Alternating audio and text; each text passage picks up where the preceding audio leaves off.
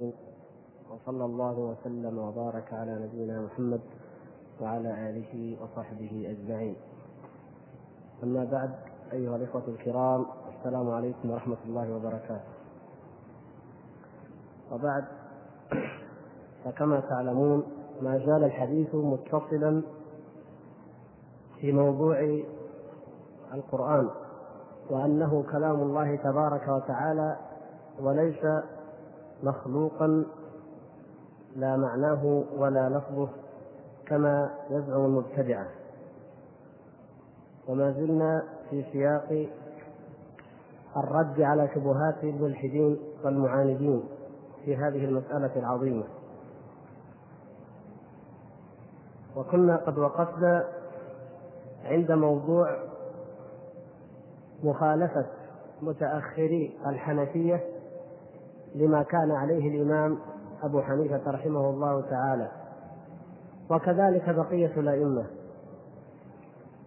وكما ذكر المؤلف رحمه الله تعالى. هنالك طائفة من المتأخرين المنتسبين إلى الأئمة الأربعة وغيرهم من أهل العلم والفضل يقولون إنما نتلقى عن الأئمة الشرائع. أي إنما نتلقى عن عن الأئمة الأحكام أحكام الحلال والحرام. وأما ما يتعلق بالاعتقاد وبأمور الإيمان والغيب فهذا نأخذه من أهل الكلام مع إطباق الأئمة على ذم الكلام وأهله. كما هو منقول في نفس هذا الكتاب عندما نقل كلام الأئمة رحمهم الله تعالى. ومنهم الإمام أبو حنيفة وصاحباه والشافعي وغيرهم فذكروا أن أهل الكلام لا حرمة لهم وأنهم مذمومون. ونصت الفتاوى الحنفية كالفتاوى الظهيرية وغيرها نصت على أنه إذا أوقف الرجل وقفا وجعله لأهل العلم أن أهل الكلام لا يدخلون فيه لأن الإمام أبا حنيفة نص على أن علم الكلام ليس من العلوم الشرعية وكذلك صاحباه ولهذا فإن علماء الكلام لا يدخلون في الأوقاف الموقوفة على أهل العلم. هذا ينصون عليه في فتاواهم التي تقتفي أثر أئمتهم السابقين ولكنهم مع ذلك يدعون ويزعمون أن الحق في أمور العقيدة ليس مع هؤلاء الأئمة وأن هؤلاء الأئمة إنما كانوا على مذهب السلف الذي هو مجرد تفويض المعنى دون علم ودون فهم للصفات.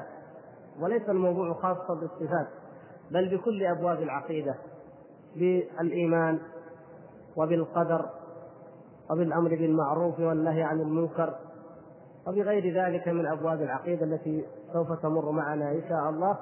ونجد فيها كلها فيها كلها نجد أن أتباع الأئمة المتأخرون من أتباع أن المتأخرين من أتباع الأئمة خالفوا الأئمة المتقدمين أعلام الهدى المجمع على الاقتداء بهم. وكما ذكرنا في الحلقة الماضية أن المسألة عند المتأخرين أصبحت ثلاثية ينتسبون نسبة ثلاثية تجدون على ديباجة الكتب أو أغلفتها مثلا أو في التعريف بهم. يذكرون ثلاثة ألقاب أو ثلاثة نسب فيقولون فلان الحنفي مذهبا الماتريدي عقيدة الجنيدي طريقة أو القادري طريقة. فلان ابن فلان الحنبلي مذهبا القادري طريقة مثلا الأشعري عقيدة والمالكي وهكذا. فتجد أن هناك ثلاثة نسب نسبة في الفقه في أحكام الحلال والحرام والشرائع هذه للإمام. والنسبة الثانية في العقيدة وهذه للمتكلمين بعلم الكلام. والنسبة الثالثة في السلوك وفي طريقة العبادة وهذه يجعلونها لمن؟ لأحد أئمة الطرق الصوفية الذي الشيخ الذي ارتضوه شيخا لهم. مع أن الأمة عندما أجمعت على فضل الأئمة الأربعة وعلماء الإسلام الآخرين كالإمام الأوزاعي وابن المبارك والفضيل بن عياض ووكيع بن الجراح وعبد الرحمن بن مهدي والسفيان بن عيينة وسفيان الثوري والطبري وأمثالهم من الأئمة الأجلاء. الأمة عندما أجمعت على فضل هؤلاء الأئمة والاقتداء بهم لم تجمع عليهم لكونهم أئمة في الفقه فقط يستنبطون دون أن يكون لهم منهج صحيح في العبادة.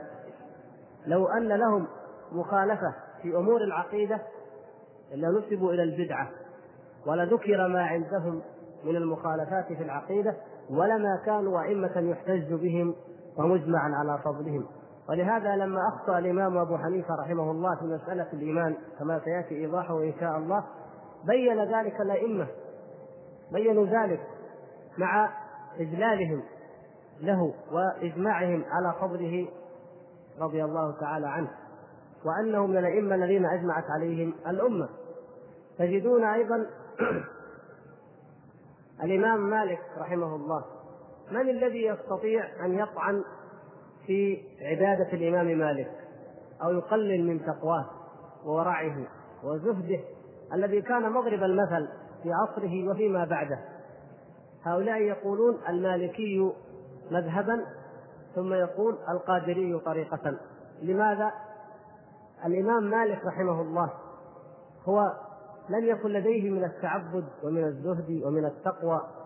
ما يجعلك ما لا تجد فيه أسوة في هذا الجانب أبدا وإنما تذهب إلى القادر إلى عبد القادر الجيلاني إلى الشاذلي إلى الجنيد إلى فلان كائنا من كان هذا الإنسان من القرون المتأخرة الذين لا يمكن أن يبلغوا من الفضل ومن التقى ومن الورع والزهد مبلغ أولئك الأئمة.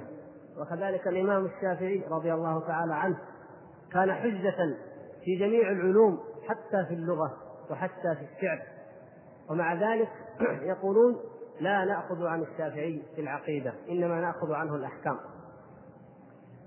كما أشرنا مثلا الرازي فخر الدين الرازي الإمام المتأخر للأشعرية لما كتب كتابا في مناقب الشافعي يدافع عن مذهب عن مذهب الشافعي في الفروع ولكنه في الأصول كمسألة الإيمان يرجح غير ما رجح غير ما ذكر الشافعي أنه الصحيح ونقل الإجماع عليه من الأمة ومع ذلك يخالفه.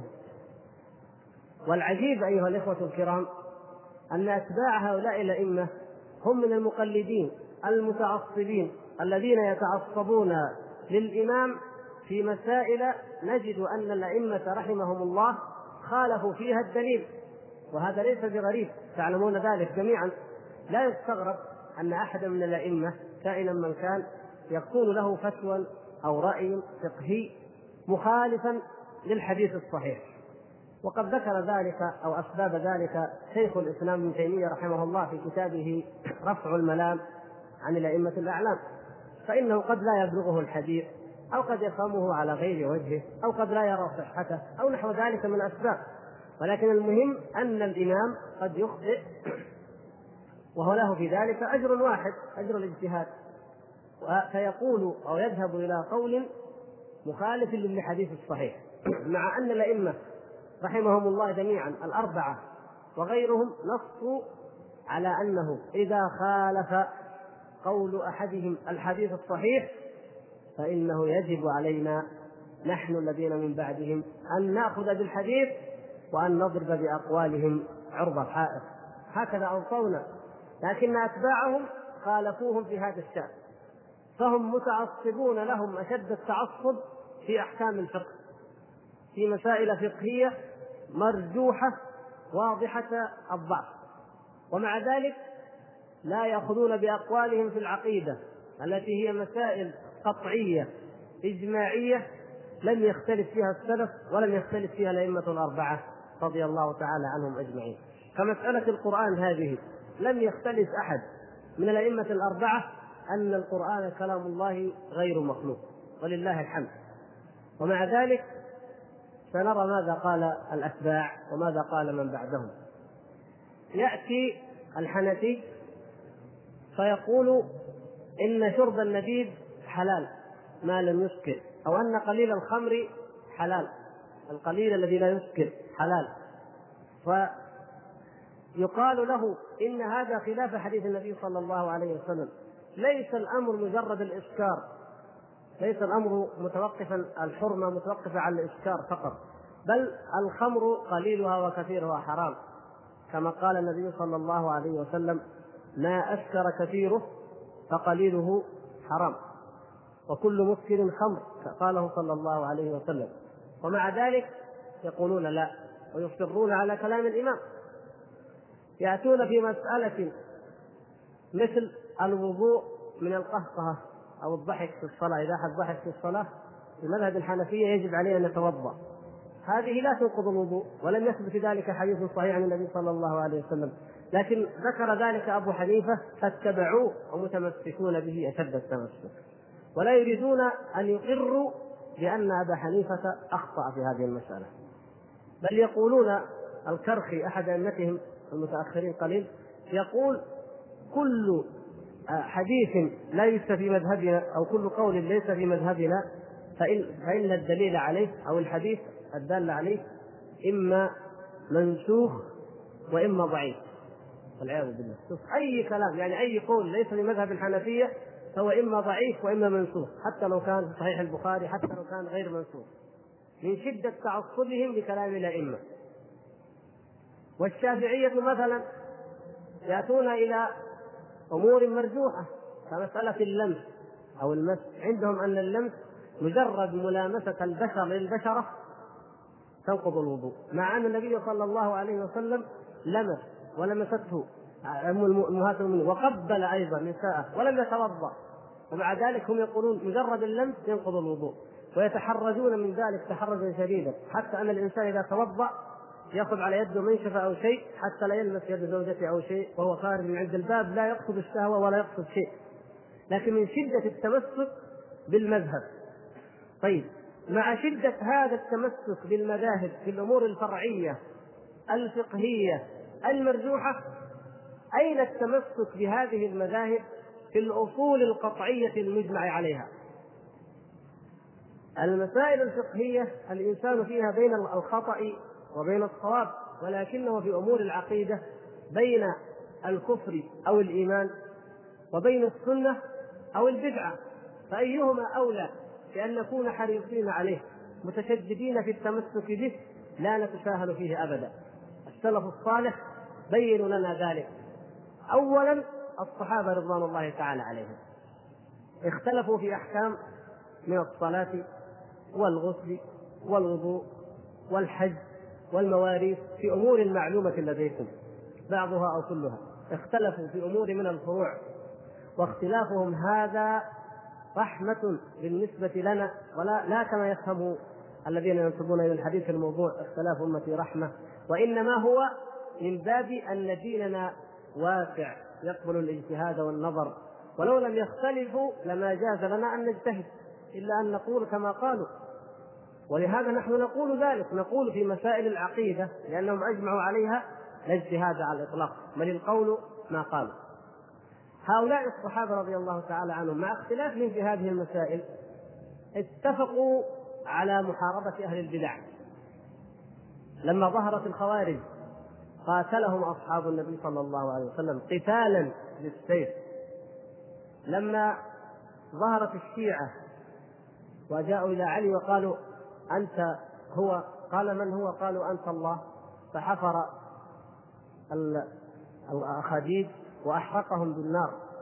ما خالفه أحد من الصحابة إلا أن ابن عباس رضي الله تعالى عنه قال لو كنت آه، مكانه أو لو كان الأمر إلي لقتلتهم بالسيف ولما أحرقتهم لأن النبي صلى الله عليه وسلم نهى أن يحرق بالنار.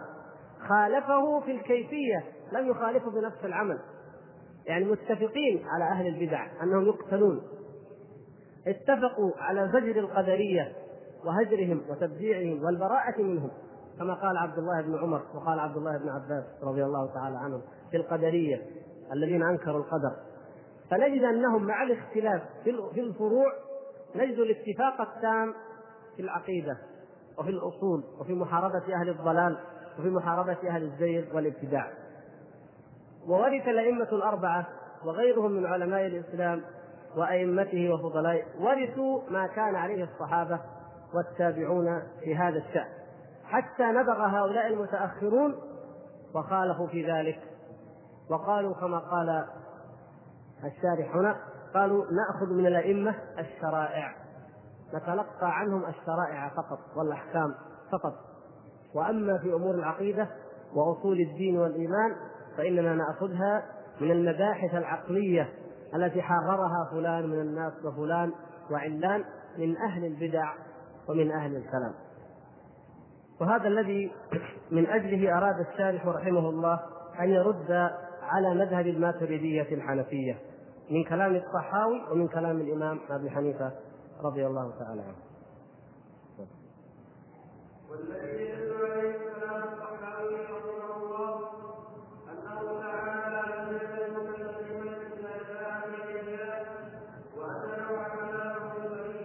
كلامها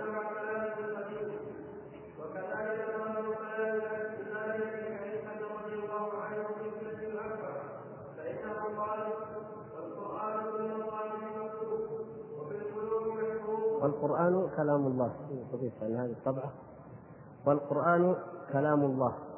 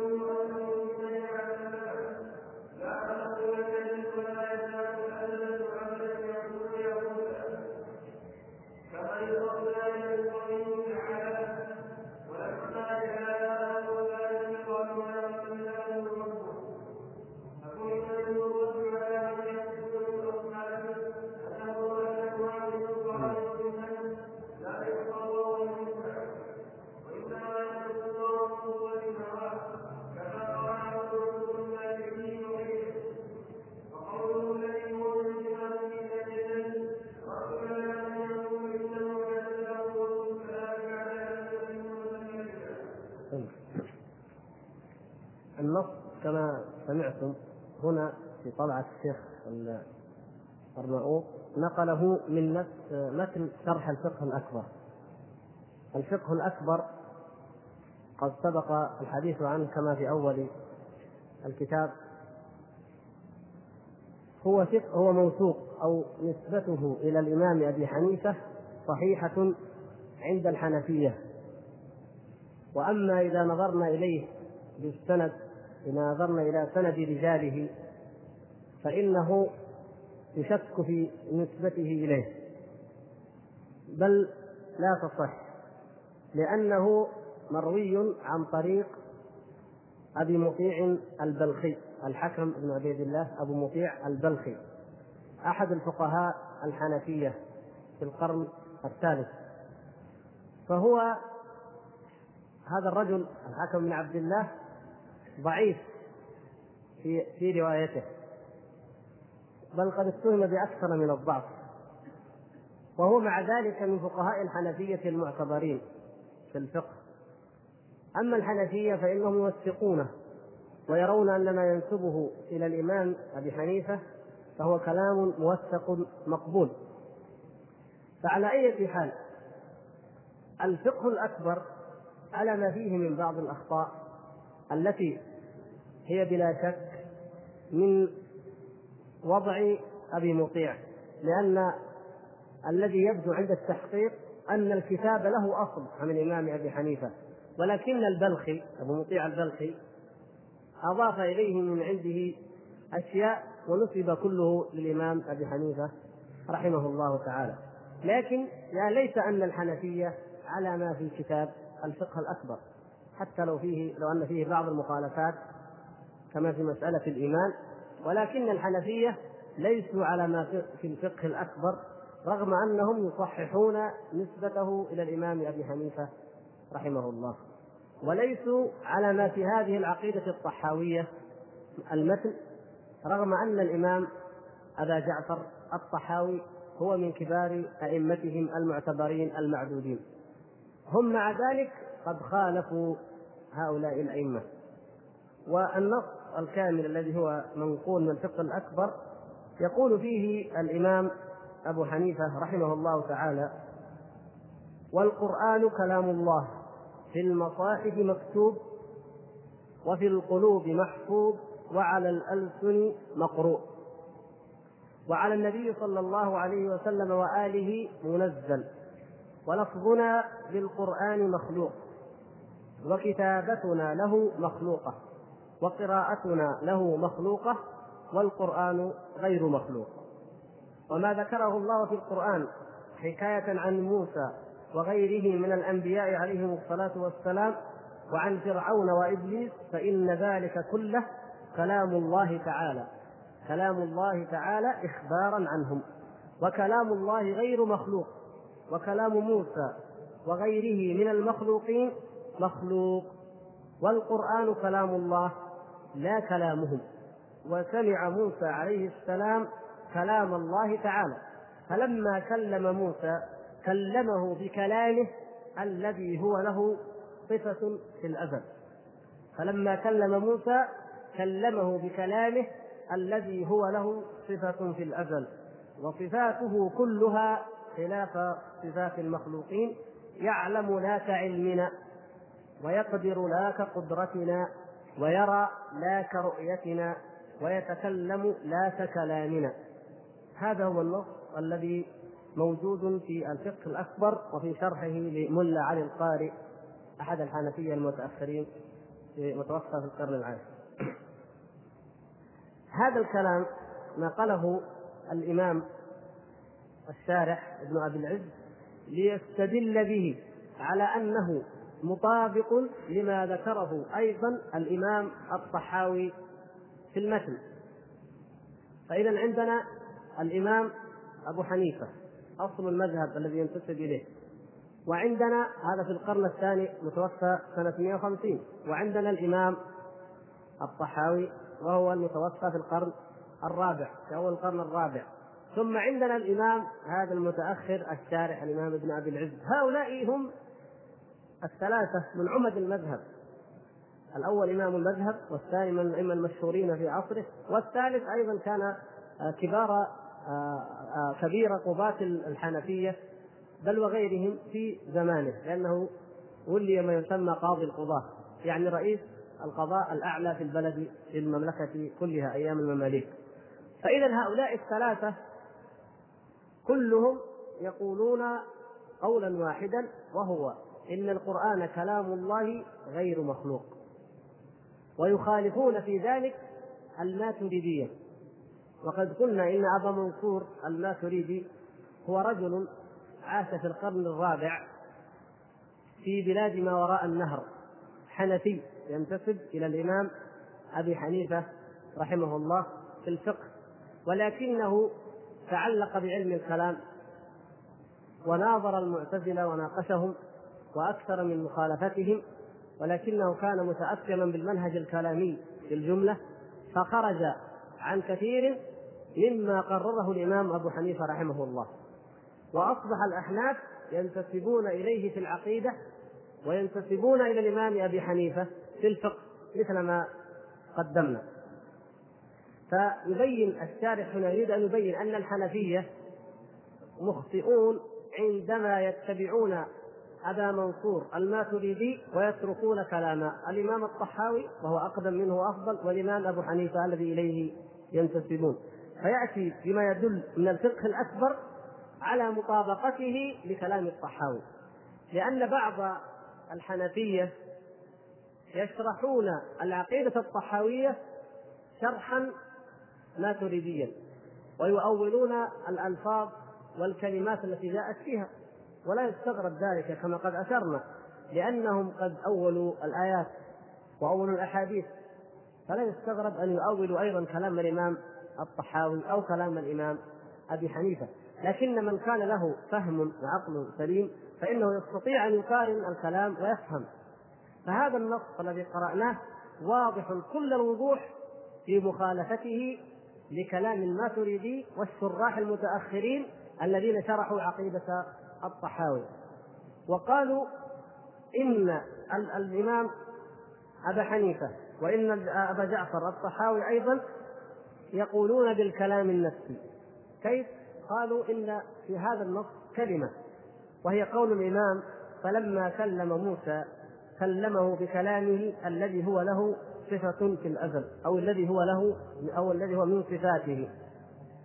قالوا معنى ذلك أن الإمام أبا حنيفة يقول إن الله تعالى لما كلم موسى كلمه بالكلام الذي هو من صفاته في الأزل. وليس هناك من صفاته في الأزل إلا الكلام النفسي. أما أما الكلام الذي هو حروف وأصوات مسموعة فهذا ليس في الأزل.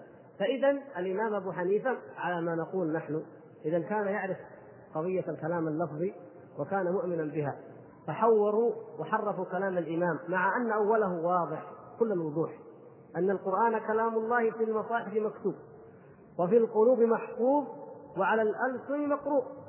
ونص أكثر من مرة قال والقرآن غير مخلوق وكلام الله غير مخلوق والقرآن كلام الله لا كلام. أكثر من موضع يبين بوضوح أنه يقول إن هذا القرآن الموجود في المصاحف والمتلو بالألسن والمقروء المحفوظ في الصدور هو كلام الله عز وجل.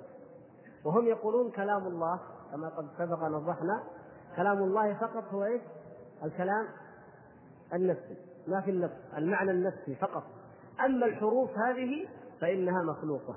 فكلام الإمام أبو حنيفة واضح في الرد على هذا القول. لكن وجدوا هذه الكلمة فأخذوا يحرفونها ويحرفون بها بقية الكلام. فأتى الإمام هنا ليرد عليهم ويقول إن قوله ولما كلم موسى كلمه بكلامه الذي هو له صفة في الأزل يعلم منه أنه حين جاء كلمه أليس كذلك؟ يعني حين جاء موسى حين جاء كلمه الله سبحانه وتعالى عندما جاء للميقات لا أنه لم يزل ولا يزال أبدا يتكلم لأن كلمة في الأزل لا معناها أن الله سبحانه وتعالى اتصف بهذه الصفة في الأزل. ولو كان على كلامهم أنه الصفة التي في الأزل كلم بها موسى إذا كان لا يزال وما يزال أبدا وأزلا ينادي يا موسى يا موسى يا موسى. وهذا وهذا لا يقول به عاقل. وإنما يبين الإمام أن الله سبحانه وتعالى متصف بهذه الصفة منذ الأزل. لم تحدث له بعد أن كان لم تكن. وأن لما جاءه موسى كلمه وسمع موسى كلام الله تبارك وتعالى وكان كليم الله. وهنا تكون الخصوصية لموسى عليه السلام أنه سمع كلام الله. أما إذا كان كلام الله هو ما في نفسه وما يسمعه ما سمعه موسى كلاما مخلوقا خلقه الله فإنه لا ميزة لموسى. كلنا إذا نحن كل إنسان منا يمكن أن يكون كليم الله. لأن الله خلق الكلام في عمرو وخلق الكلام في زيد وفلان وفلان. وأنا أسمع كلام الله الذي خلقه في فلان وفلان على قولهم. إذا فليس هناك أي فرق بين موسى عليه السلام وبين أي إنسان آخر. إلا أن موسى سمع كلام الله عز وجل وكلمه ليس بينه وبينه ترجمان ولا واسطة فإذا هذا هذا الكلام يرد على قول الماتريدي والماتريدية والحنفية المتأخرين عموما. فقولهم كما يقول الشارح أنهم يقولون إنه معنى واحد قائم بالنفس. لا يتصور أن يسمع. يقولون من المحال أن يسمع كلام الله. كيف هذا؟ قالوا لأن كلام الله صفة أزلية قائمة بنفسه تعالى. فكيف يسمع؟ كيف يمكن لأحد أن يسمع شيئا في نفس الباري جل شأنه؟ لا يمكن هذا، لا يتصور أن يسمع أبدا. طيب هذا الكلام واضح الرد عليهم أن الإمام أبو حنيفة ينص على أن الله كلم موسى عليه السلام كما هو في القرآن يقول وإنما يخلق الصوت في الهواء الماتريدي يقول إن الله يخلق صوتا في الهواء فيسمعه المخاطب فيقول هذا كلام الله فإذا من أين أولا من أين ما الدليل على أن الله خلق الصوت في الهواء؟ هل كنتم شهداء؟ من كان حاضرا عندما كلم الله تبارك وتعالى موسى من أهل الكلام حتى يقول الله خلق في الهواء يعني هذا من التخرص من القول على الله بغير علم ومن الافتراء على الله سبحانه وتعالى فهذا الافتراء لا يجوز بحق الله سبحانه وتعالى مثلما أنه من كذب عليه صلى الله عليه وسلم فليتبوأ مقعده من النار فكيف بالكذب والافتراء على الله تبارك وتعالى؟ ولكن هؤلاء وقعت في قلوبهم شبه وفروا من مصيبة ووقعوا في أخرى. فما أدراكم أنه والماتريدية؟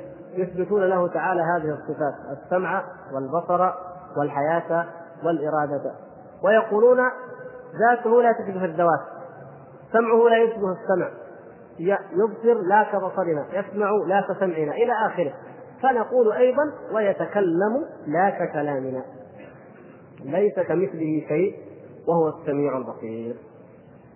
ثم يستدل الشارع بهذه الأحاديث الصحيحة عن النبي صلى الله عليه وسلم في الاستعاذة بكلمات الله سبحانه وتعالى. قوله صلى الله عليه وسلم أعوذ بكلمات الله التامات. التي لا يجاوزهن بر ولا فاجر. هذا أخرجه الإمام أحمد صحيح.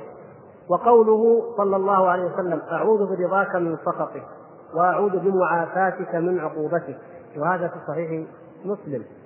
وقوله صلى الله عليه وسلم أعوذ بعزة الله وقدرته من شر ما أجد وأحاذر. وهذا أيضا في صحيح مسلم. وقوله وأعوذ بعظمتك أن نغتال من تحتنا. هذه الأحاديث أو لفظ الحديث الأخير حقيقة هو إيش؟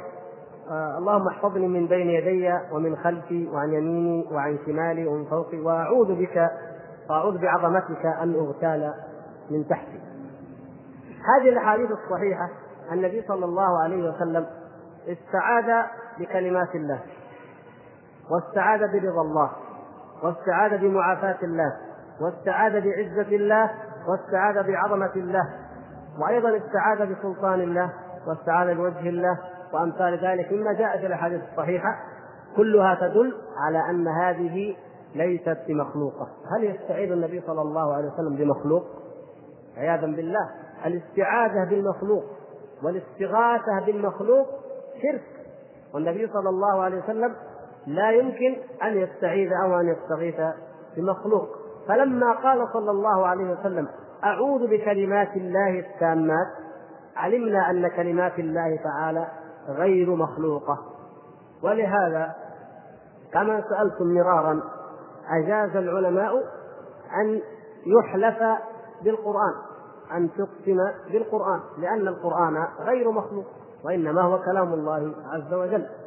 فالذي يقسم بكلام الله أو الذي يستعيذ بكلام الله لم يقسم بمخلوق ولم يستعذ بمخلوق لأن كلام الله عز وجل غير مخلوق.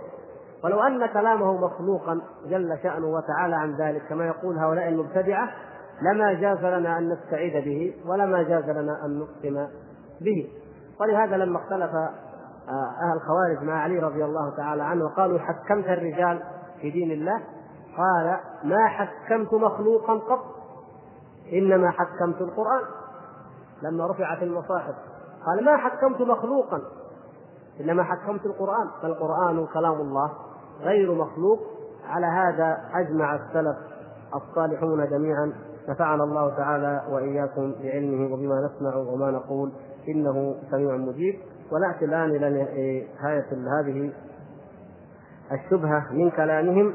ونعود بإذن الله. نعود إن شاء الله تعالى بإذن الله. الحلقة القادمة إلى مناقشة الحنفية والأشعرية في قولهم إن القرآن معنى واحد آه، في أمره ونهيه وتوراته وإنجيله وقرآنه أن الكلام الله معنى واحد وما بعدها إن شاء الله تعالى وصلى الله وسلم وبارك على نبينا محمد وعلى آله وصحبه أجمعين.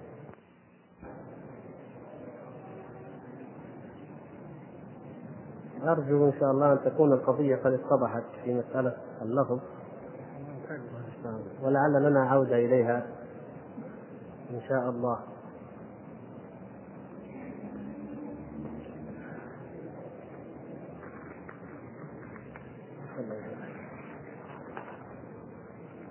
الآن نأتي إلى بعض الأسئلة.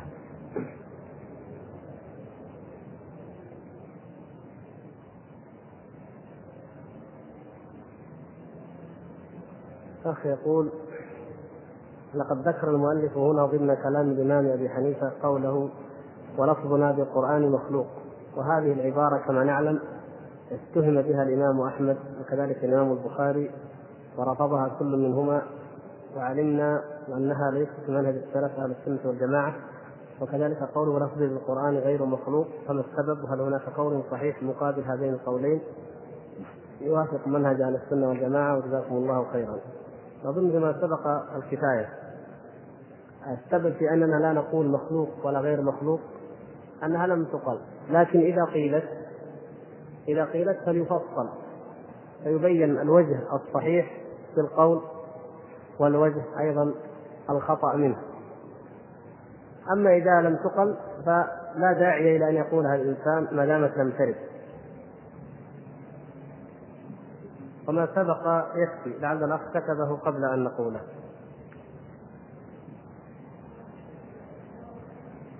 يقول الأخ على فرض أن هذه اللفظة لفظنا بالقرآن مخلوق ليست من كلام الإمام أبي حنيفة وهو الصحيح إن شاء الله. إيراد الشارح لهذه اللفظة دون تعقيد على ماذا يدل؟ أنا قلت أن الكتاب كتاب الفقه الأكبر عند الحنفية موثق. يعني أبو مطيع البلخي عندهم ثقة فيما ينقله عن إمامه أبو حنيفة. والإمام ابن أبي العز الشارح رحمه الله يقول لهم الإمام أبو حنيفة قال في الفقه الأكبر كذا وكذا ليلزمهم به وليكون حجة عليهم. فهو من هذا الباب استدل بكلام الإمام أو بما في الفقه الأكبر. فيلزمهم من كلامهم. الشارح رضي الله تعالى عنه ورحمه هو أصلا يؤمن بهذا الشيء من غير طريق الفقه الأكبر. هو كما معلوم من منهجه. يؤمن به لأنه في الآيات وفي الأحاديث ومنهج ومذهب السلف جميعا. لكن هو الآن يريد أن يعني قضية خاصة فقط الرد على الحنفية بيان خطأ الحنفية الماتريدية. فيقول أنتم يا حنفية ماتريدية يا ماتريدية أنتم تخالفون كلام الإمام أبي حنيفة في الفقه الأكبر الذي أنتم تعتقدون صحته ونسبته إلى الإمام أبي حنيفة. هذا هو المراد من من كلام الشارع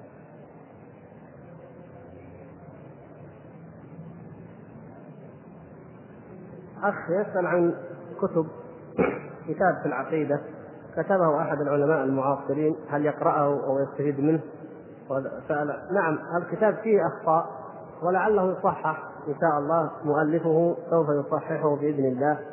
ولا تقرأه الآن حتى إذا خرج طبعة صحيحة تقرأها إن شاء الله.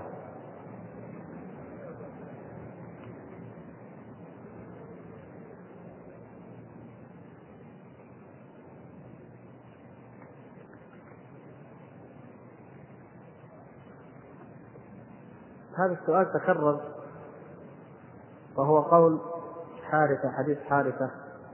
أصبحت مؤمنا حقا وكأني أنظر إلى عرش ربي بارزا. الحديث غير صحيح. فلا داعي لأن نشرح شيئا غير صحيح. يعني ليس صحيحا أن النبي صلى الله عليه وسلم قال له كيف أصبحت يا حارثة؟ قال أصبحت مؤمنا حقا. قال إن لكل قول حقيقة. وما حقيقة قولك؟ فقال أصبحت وكأني أرى عرش ربي بارزا كأني أرى أهل الجنة فيها يتنعمون وأهل النار فيها يتضاغون. الحديث نفسه ضعيف لم يصح. والشيخ ناصر الدين الألباني بين ذلك في آه، تعليقه على الأربع الرسائل التي هي من كنوز السنة أربعة رسائل في الإيمان. منها الإيمان لأبي بكر بن أبي شيبة والإيمان لأبي عبيد فذكر ذلك لأنه فيه دلالة على مسألة الإيمان مؤمنا حقا. فما دام أن الحديث لم يصح فلا داعي لأن نسعد أنفسنا في شرحه وإنما نبين أنه غير صحيح. وأما أما كون الإيمان حقا ومتى يكون وكيف يكون هذا معلوم لدينا الحمد لله ونعرفه من غير طريق الحديث. الله عز وجل قال في القرآن أولئك هم المؤمنون حقا. وبين سبحانه وتعالى صفاتهم في أول سورة الأنفال. وكذلك بين صفات المؤمنين في أول سورة المؤمنون وكذلك بين صفاتهم في سورة الذاريات وفي غيرها من السور. فبين الله سبحانه وتعالى أحكام أو صفات المؤمنين ومتى يكون المؤمن مؤمنا حقا أو متى يكون المتقي متقيا حقا. وبين ذلك أيضا أصحاب النبي صلى الله عليه وسلم وبينته الأحاديث الصحيحة وسيرة النبي صلى الله عليه وسلم. بما لا مجال الآن لذكرها وإنما المقصود أننا لا نحتاج في معرفة طريق السلوك ويسمى السلوك أو العبادة منهج التعبد ومنهج الزهد. لا نحتاج فيه إلى إلى أي إنسان من البشر نقتدي به إلا رسول الله صلى الله عليه وسلم. فإن سنته محفوظة وموثقة وموجودة ومقروءة فلا حاجة بنا إلى أن نذهب إلى قول أي أحد من الناس ولا إلى منهجه في التعبد وإن احتجوا بهذا الحديث. لا المحاسبي ولا رابع العدوية ولا فلان ولا فلان. ما الذي يحوجنا إلى هؤلاء الناس؟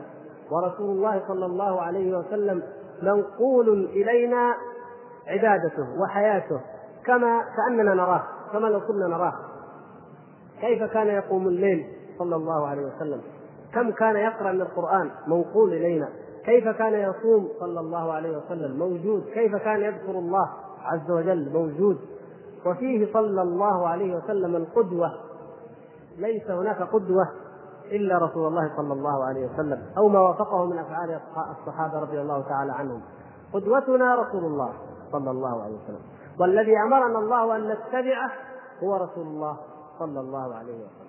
ولا خفاء ولله الحمد في سيرته وسنته في التعبد والورع والزهد والإيمان. أبدا. عندنا صحيح البخاري صحيح مسلم مسند الإمام أحمد كتب السنة المعروفة والمشهورة والمتداولة موجودة وتغنينا عن عن كل ذلك. لكن تلك الكتب الأخرى حتى لو كان فيها حق حتى لو أنها حق ولا شك أن فيها حق وفيها باطل. لكن كم كم من الناس عنده كتاب الرعاية؟ يمكن ما سمعوا في كتاب الرعاية. كتاب رسالة المسترشدين كم واحد؟ كم واحد من الناس عنده يعني سيرة رابعة العدوية؟ عشان نقول انظر كيف عبدت الله رابعة العدوية. سبحان الله.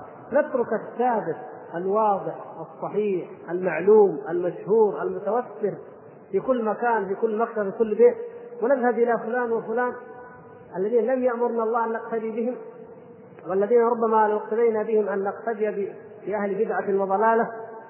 والذين اتهمهم السلف في دينهم ولا ولا كتبهم ليست معلومة ولا سبحان الله. لماذا يا إخوان؟ هذا من جهل الأمة الإسلامية لما انتشر فيها الجهل ولم تعلم بمن تقتدي. رسول الله صلى الله عليه وسلم بين لنا المنهج الصحيح في العبادة. وأمهات المؤمنين هن أكمل المؤمنات إيمانا. لا تتخيلوا ولا تتصوروا أن امرأة تأتي لا في جيل التابعين ولا ما بعده أفضل من أمهات المؤمنين ومن نساء المهاجرين والأنصار في العبادة والطاعة أبدا ولماذا نذهب إلى رابعة؟ من هي رابعة؟ من متى أمرنا الله؟ متى أمرنا رسول الله أن نقتدي برابعة وأمثال رابعة؟ رابعة من خلق الله نقيسها بكتاب الله وسنة رسوله إن وجدنا فيها مخالفة قلنا أخطأت رابعة. وإن وجدنا صواب قلنا وافقت رابعة الصواب. أما غيرها أما أنها قدوة يقتدى بها يتأسى بها لا. لا رابعة ولا غير رابعة. إنما كتاب الله وسنة رسول الله صلى الله عليه وسلم. كيف كان أمهات المؤمنين؟ أمهات المؤمنين الرسول صلى الله عليه وسلم تزوج وأمهات المؤمنين كنا أزواجه صلى الله عليه وسلم.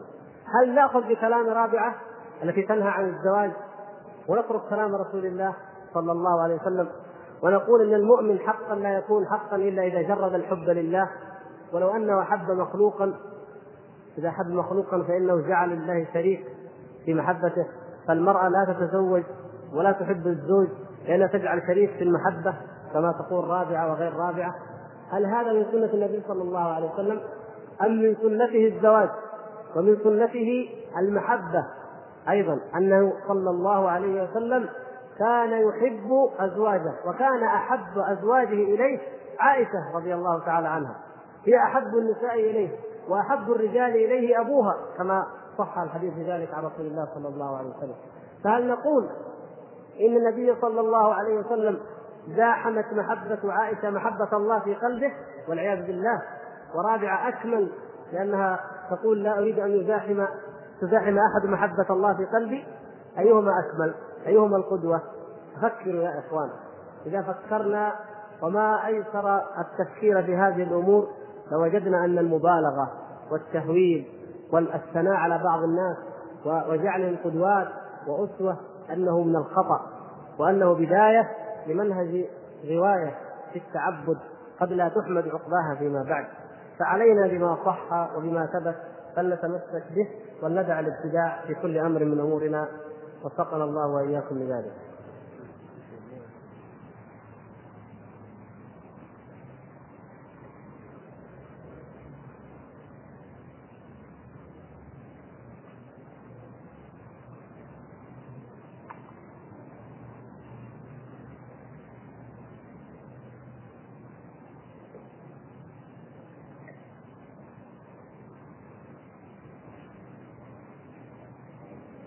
الأخ يعقب على كلمة عابرة وهي أنه اختلاف الصحابة في الفروع رحمة. قلتها كلمة عابرة كذا. لكن نبين ذلك لا بأس بقليل من الاختصاص أو بقليل من الإيجاز. يقول كيف يكون ذلك؟ مع ذلك الحديث الغير صحيح في هذه يعني وهو حديث اختلاف أمتي رحمة. الحديث غير الصحيح كيف يكون اختلافهم رحمة؟ وهل يطلق اللفظ على اختلاف الأئمة الأربعة أيضا في الفروع؟ اختلاف أصحاب النبي صلى الله عليه وسلم في فهم ما جاء في الكتاب وفي السنة مع اتفاقهم عليها بلا شك في ذلك انهم متفقون على العمل بما صح بما يامرهم به النبي صلى الله عليه وسلم ولا واسطة بينهم وبينه صلى الله عليه وسلم كان يأمرهم فيمتثلون. فاختلافهم في فهم كلامه صلى الله عليه وسلم والعمل به هذا رحمة قال عمر بن عبد العزيز رضي الله تعالى عنه ما لي باختلاف أصحاب النبي صلى الله عليه وسلم حمر النعم لو لم يختلفوا ما جاز ذلك لأحد من بعدهم. يعني لو كانوا على فهم واحد لما جاز لنا أن نكون إلا على ذلك الفهم. لكن لما وجدنا أن الآية يفهمها أحد الصحابة فهما ويفهمها الآخر فهما آخر والمسألة تحتمل هذا وذاك علمنا أن ديننا ولله الحمد فيه ساعة. وأن الإنسان يجوز له أن يجتهد ما دام أهلا للاجتهاد. فلما قال النبي صلى الله عليه وسلم لا يصلين أحدكم العصر إلا في بني قريظة. انقسم الصحابة فريقين. فريق فهم من ذلك أنه لا يصلي فلينطلق حتى يصل إلى بني قريظة ويصلي العصر ولو كان المغرب قد جاء لأن النبي صلى الله عليه وسلم قال ذلك. وآخرون فهموا أن معناه استعجلوا وتعجلوا في المشي. فصلى العصر ثم تعجل في المشي إلى بني قريظة. فهموا هذا وفهموا هذا ولم ينكر النبي صلى الله عليه وسلم لا على هؤلاء ولا على هؤلاء. واختلف الصحابة في أمور أخرى كما تعلمون في المتعة في متعة الحج كما هو خلاف مذكور بين ابن عباس رضي الله تعالى عنه وبين عمر وغيره من أصحاب النبي صلى الله عليه وسلم. فكان ذلك بالنسبة لمن جاء بعدهم مجال. الرحمة هنا معنى إيه؟ مجال للاجتهاد. فنحن الآن ننظر كما نظر علماء الإسلام من قبل فيقولون أيهما أرجح؟ كلام ابن عباس أو كلام عمر في هذه المسألة. ينظرون في مسائل أخرى فيقولون أيهما الأرجح هنا؟ كلام ابن مسعود أو كلام أبي هريرة أو غير ذلك. فهذا فيه رحمة وفيه توسعة على الأمة من هذا الباب لكن لم يكن اختلاف أصحاب النبي صلى الله عليه وسلم ولا اختلاف الأئمة من بعدهم أيضا في في رد حديث صح عندهم ويخالفونه ويتعمدون مخالفته كما هو حال المتأخرين. هذا هو الخلاف الذي لا يمكن أن يكون رحمة أن يصح حديث عن النبي صلى الله عليه وسلم ثم يأتي عالم لسبب من الأسباب لم يبلغه الحديث أو لم يحسن فهمه أو أي أمر آخر فلا يعمل به. فيأتي أحد ويقول أعمل بكلام الإمام وأترك الحديث وأقول اختلاف أمتي رحمة ما دام في خلاف فأنا آخذ بهذا. لا ليس هذا ليس هذا هو المقصود. بل نص على ذلك العلماء. قالوا من تتبع رخص العلماء فزندق. من تتبع رخص العلماء فزندق. صار زنديق. في كل مسألة تأخذ القول الأخف القول الأخف القول وبعدين لا يبقى لك من الدين شيء.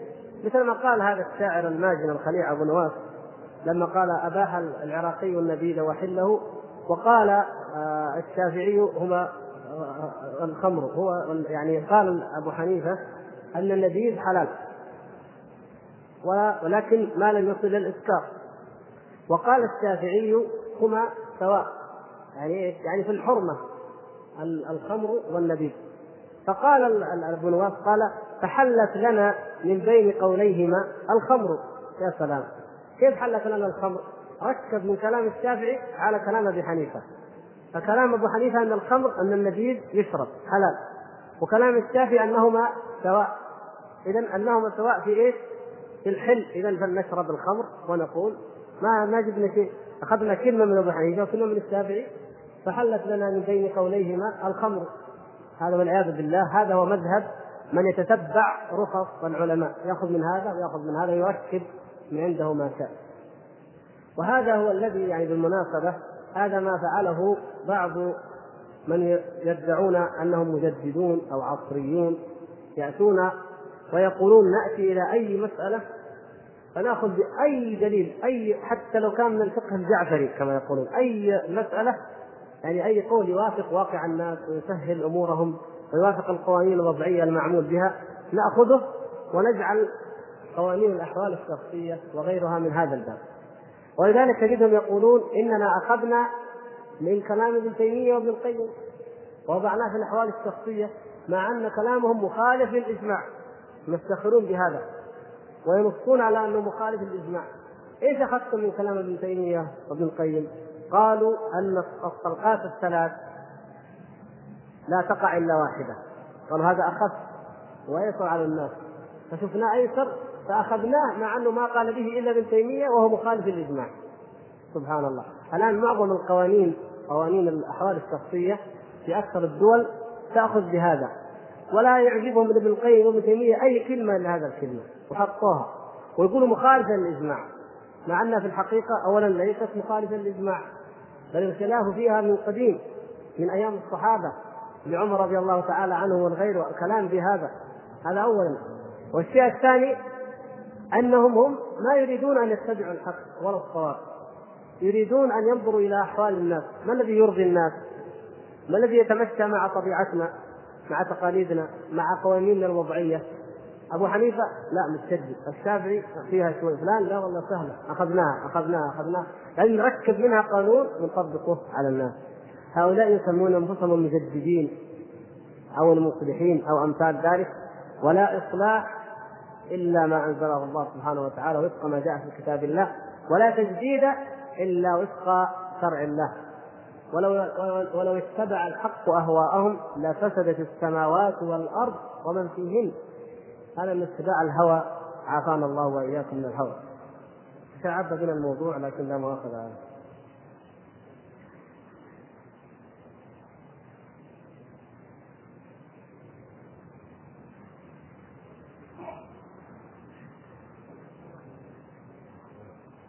يقول الأخ أنت قلت إن القرآن غير مخلوق ولفظ القرآن من قبل آه، لسان التالي به. ولفظ القرآن من قبل لسان التالي به غير مخلوق. إذا فما قولك بالتلاوة الصادرة من آه، من آلات التسجيل؟ هل هي أيضا غير مخلوقة؟ يا إخوان إحنا وضحنا هذه المسألة أكثر من مرة. لازم ننتبه إن شاء الله حتى نضبط الصوت ما قلنا ولا قال الشارع أن قراءة القرآن على لسان التالي أن هذه القراءة غير مخلوقة. هذه مخلوقة. كلام البشر كله مخلوق وكلامه مخلوق.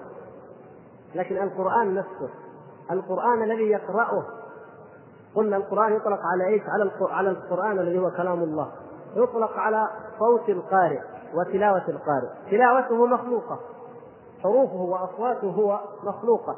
لكن ما يقرأه المقروء الذي هو القرآن كلام الله. غير مخلوق نفرق بين هذا وهذا. وسواء كان يقرأ هو مباشرة أمامك أو يقرأ بمسجل سجل صوته ما في فرق الحكم واضح الكلام واحد. فيما تقرأه أنت الآن أو ما تقرأه الآن ويسجل ويسمع فيما بعد فالكلام كلامك وصوتك فحروفك أنت وأصواتك مخلوقة بلا بلا شك. لكن كلام الله عز وجل الذي أنت قرأته قرأته بهذه الحروف والأصوات هو غير مخلوق. هذا هو المراد. وليس الأمر الأمر ما هو صعب لكن يحتاج أن نفهمه ببساطة.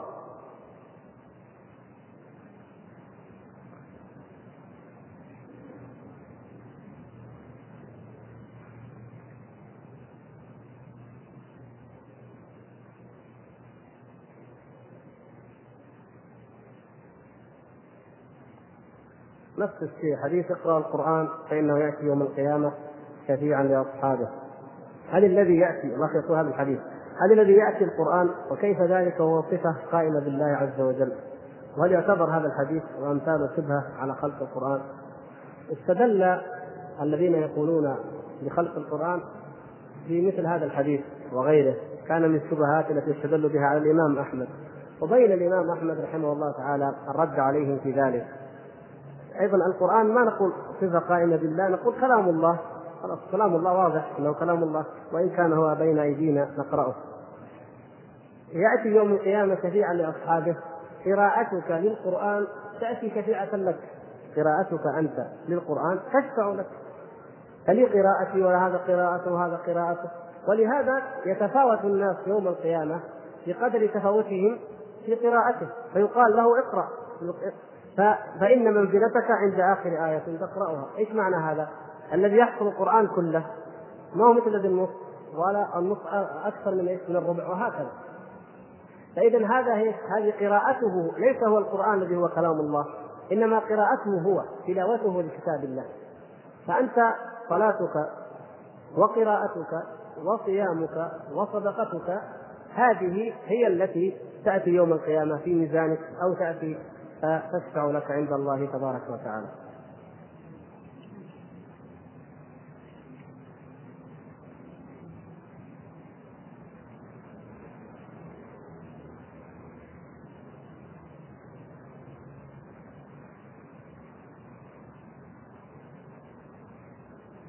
هل يجوز رواية الحديث الضعيف في مسائل العقيدة؟ الحديث الضعيف لا يجوز أن يقال أو يحتج به لا في العقيدة ولا في الأحكام وإنما يذكر مبينا ضعفه فيقال روي أو يذكر أو يقال أو ينقل عن النبي صلى الله عليه وسلم كذا ولكنه ضعيف أو لم يثبت فلا يذكر إلا مبينا ضعفه وحاله لا في العقيدة ولا في غيرها. يقول الأخ ما معنى؟ نعم حتى فضائل الأعمال. لا يجوز ان يذكر فيها الحديث الصحيح إلا الصحيح. وما يقال من أن الإمام أحمد أجاز الضعيف في فضائل الأعمال إنما يقصد به الإمام أحمد الضعيف إذا تعددت طرقه أي ما يسمى الحسن لغيره. يعني إذا تعددت طرقه ليس أي ضعيف. لأن كلام العلماء يجب أن نفهمه. بعض العلماء يقول كلمة في علم المصطلح وهذه الكلمة لها مدلول تختلف عنها عند إنسان آخر. فلذلك يجب أن نعرف مدلول كلام العلماء. إذا ارادوا إذا أردنا أن نكون دقيقين ويجب ويجب علينا ذلك. فكلمة قول الإمام أحمد في فضائل الأعمال المقصود به الإيش؟ الحسن لغيره أو الضعيف الذي تتعدد طرقه ويجبر بعضها بعضا بحيث أنها في في مسألة آه، لا أنها لا تحتاج إلى تدقيق أكثر كما لو كانت مسألة من مسائل الأعمال أو الأحكام. فالفضائل كما تعلمون أن مثلا من قرأ كذا له أجر كذا. هذه المسألة لا يترتب عليها يعني في ذاتها آه، مثل ما يترتب على حكم عملي يؤمر به الناس ويلزمون به لأنها مجرد أجر أو فضل. لكن هناك كثير من الأعمال موضوعة أو ضعيفة هذه لا يجوز أن تروى. لكن مثل هذه إذا تعددت الطرق وإن كانت ضعيفة لكن بعضها يجبر بعضا فهي يعني هناك يعني التساهل فيها أو لا يشترط فيها ما يشترط في غيرها. والأحاديث يا إخوان درجات. يعني الضعيف كلمة ضعيف بعض العلماء يجعلها إلى 20 أو 25 درجة وهو كلمة ضعيف واحدة فدرجات. فهناك أمور تتساهل فيها أقل من غيرها من حيث التوسط. كما أننا مثلا حتى في أخبار السيرة وهي سيرة النبي صلى الله عليه وسلم. مجرد أنه نزل بوادي كذا ثم ذهب إلى وادي كذا. هذه مثلا ما نتشدد نقول لابد أن يثبت عندنا بحديث صحيح. السند. لا يكفي أن يكون قال الزهري أو قال مثلا الواقدي أو قال كذا فنقبل مثل هذا الكلام. ليش؟ لأنه لا يترتب عليه عمل. وكذلك في التفسير المغازي والتفسير أيضا ذكر الإمام أحمد. يعني إيش معنى؟ التفسير لو أننا ما نأخذ قال الضحاك أو قال مجاهد أو قال فلان إلا بعد أن نمحص كل سند. لما أخذنا قول أحد يمكن خاصة في الكتب المتأخرة مثل تفسير ابن أبي حاتم وغيره. لكن نحن نقول التفسير ممكن نأخذ القول بدون تدقيق شديد في السند وليش؟ لا لأننا نعمل بالضعيف والموضوع لكن لأن القول هذا يؤخذ كأي قول من الأقوال يعني لسنا ملزمين فيه. يعني لا نتكلم عن الأحاديث المرفوعة لكن تفسير العلماء. نقلهم للتفسير. فيؤخذ القول وينظر فيه هل هو موافق لدلالة الآية فعلا أو لما صح عن النبي صلى الله عليه وسلم والصحابة في التفسير. فإن إن وافق ذلك يقبل وإن لم يوافق يرد ولا يشترط فيه التدخير. المقصود أن الله تعالى يعني يعني جعل لكل شيء قدرا وأنه يجب علينا أننا إذا أردنا أن نتحدث أو نبحث في أي علم أننا نحرص على أن نعرف مصطلحات العلم وطرائق أهله. ولا نتسرع في الأحكام في أمثال هذه الأمور. ما معنى قول ابن عربي وجود الخلق عين الحق؟ ابن عربي سبق أن قلنا أنه من الصوفية الذين كفرهم العلماء وألف الإمام البقاعي رحمه الله تعالى كتابه المعروف تنبيه الغبي إلى تكفير ابن عربي.